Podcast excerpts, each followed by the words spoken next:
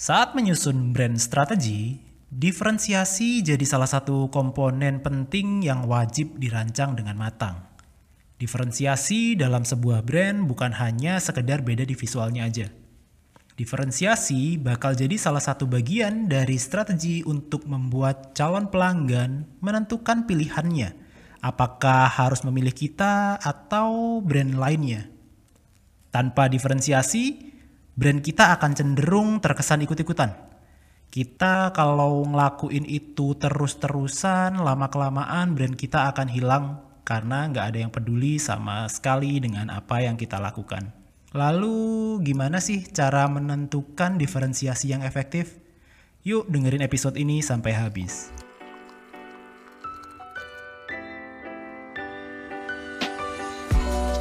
Hai, selamat datang di Berondang Branding tempat kamu bisa dengerin topik seputar bisnis, marketing, kreatif, dan segala hal di antara ketiganya.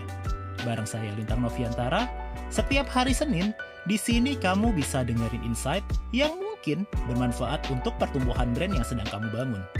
Bro, dan branding. Karena kalau terlambat, pertumbuhan brandmu bisa terhambat.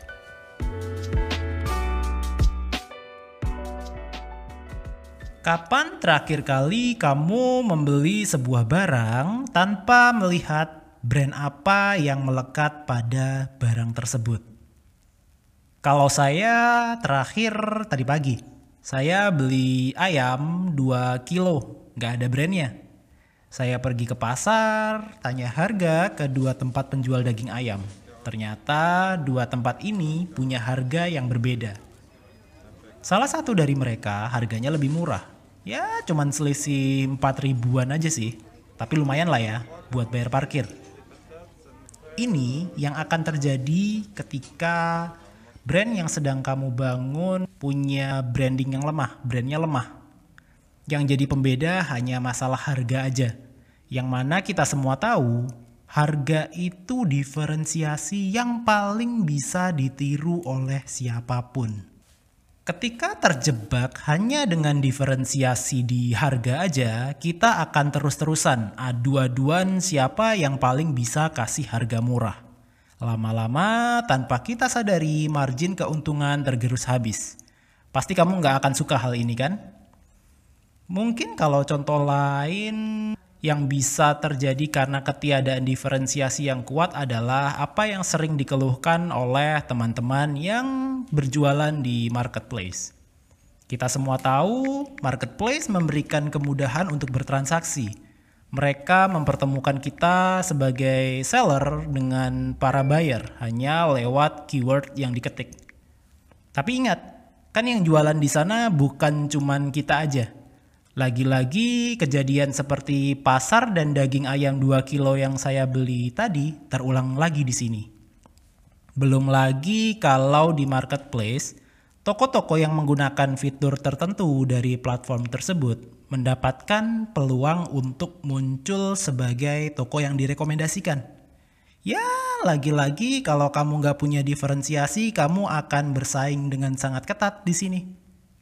Terus pertanyaannya sekarang, selain dari sisi visual dan harga, diferensiasi bisa dibangun dari mana sih? Kita akan jawab itu sebentar lagi, tapi quick break dulu. Buat kamu para pemilik brand yang sedang tumbuh, di Akar Mula kamu bisa ikutan sesi 60 Minutes About Your Brand. Di sesi ini, kamu bisa sharing bareng tim brand strategis Akar Mula untuk mencari solusi yang paling tepat dalam mengatasi challenge yang sedang brand kamu hadapi. Cara daftarnya, klik www.akarmula.id, lalu kamu bisa pilih jadwal brand consultation yang tersedia. Buruan daftar sekarang dan temukan insight baru untuk solusi tepat pertumbuhan brand kamu.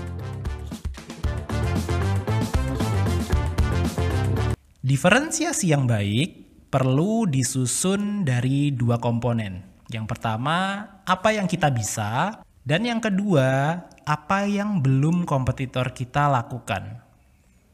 Kalau kamu ingat di episode podcast yang kedua dulu tentang ideal target market, ada tips untuk menganalisa kelemahan kompetitor kita. Saat menganalisa mereka, kamu nggak bakal sangka deh ternyata kalau diperhatiin lebih jauh, banyak banget tuh lubang yang selama ini bikin kompetitor kita kewalahan. Lubang-lubang inilah yang jadi kesempatan untuk kita menciptakan sebuah diferensiasi. Strategi pertama untuk menciptakan diferensiasi yang bisa kamu coba adalah serve an unmet need. Ini jadi strategi diferensiasi yang paling underrated Seringnya kita mikir keras tuh buat cari diferensiasi. Padahal untuk jadi beda, kita tinggal menyediakan apa yang belum berhasil disediakan oleh kompetitor kita. Strategi diferensiasi kedua untuk kita coba adalah dengan cara niche down. Niche down artinya kita menurunkan segmentasi kita menuju market yang lebih sempit. Sebagai contoh, kita tahu kalau industri skincare itu sudah sangat padat, ya kan? Di situ ada kita ambil contoh satu brand yaitu Wardah, di mana Wardah ini semula melakukan diferensiasi dengan memposisikan diri sebagai skincare halal. Terus ada lagi tuh, Kaf yang memposisikan diri sebagai produk perawatan diri untuk pria. Lalu ada juga nih skincare lain namanya Skin Dewi yang memposisikan dirinya sebagai personalized skincare. Masih sering nih pemilik brand malas melakukan niche down karena niche down itu dianggap akan mengecilkan kue yang mereka dapat. Padahal ya, kalau kue yang kecil itu ketika kita makan kita makan itu kue sendirian masih lebih nikmat kan daripada kita makan kue besar tapi cuma sisa remahannya aja. Terus kita bakal ngomongin strategi diferensiasi yang ketiga nih. Strategi diferensiasi ketiga adalah menghadirkan storytelling yang kuat. Contoh storytelling yang kuat salah satunya ini ada satu brand yang saya cukup suka untuk storytellingnya, suka banget malah bukan cukup suka ya. Itu ada brand namanya Patagonia. Brand ini nih brand outdoor gear gitu. Dia punya voice tentang doing good to our environment. Mereka menyajikan fakta kalau dunia kita sebenarnya sedang tidak dalam kondisi yang baik-baik saja.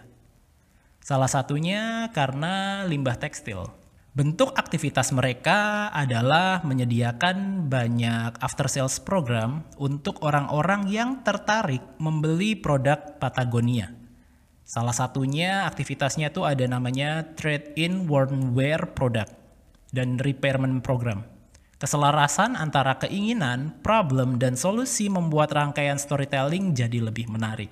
Tuh, jadi storytelling itu bisa jadi diferensiasi juga, tapi yang penting kita harus tahu nih problemnya apa, solusinya gimana, baru kita kemas ke dalam sebuah narasi cerita yang menarik. Lalu strategi diferensiasi terakhir yang mungkin bisa kamu pertimbangkan adalah dengan menghadirkan unique purchase experience. Di era yang semuanya bisa laku saat dijual secara online, mengandalkan experience belanja di mana saja, kapan saja, udah jadi hal yang nggak beda dengan lainnya. Ada satu brand yang dia punya unique purchase experience menarik menurut saya. Itu brandnya namanya Base, B-A-S-E, Base brand personalized skincare yang hanya akan menawarkan produk sesuai kebutuhan pelanggannya. Mereka menghadirkan proses belanja yang unik nih, di mana kita sebagai calon pembeli harus mengisi data diri terlebih dahulu seperti kondisi kulit yang kita punya, terus uh, punya problem dengan kulit atau enggak, hal-hal kayak gitulah. Selanjutnya Data tadi itu akan dianalisa oleh algoritma cerdas milik mereka untuk mencari tahu paket produk dengan bahan apa yang cocok pada kondisi kulit kita. Menarik kan? Oke, kita sampai di ujung episode kali ini. Seperti biasa, ada beberapa konklusi yang bisa kita ambil. Saat ini kita ada pada era di mana sebuah brand mudah untuk dimulai, tapi mudah juga untuk hilang. Salah satu cara untuk mempertahankan eksistensi sebuah brand adalah dengan memiliki diferensiasi yang kuat. Diferensiasi yang kuat akan menjadi alasan kenapa pelanggan harus memilih kita dibanding kompetitor. Utak-atik harga adalah bagian dari strategi diferensiasi.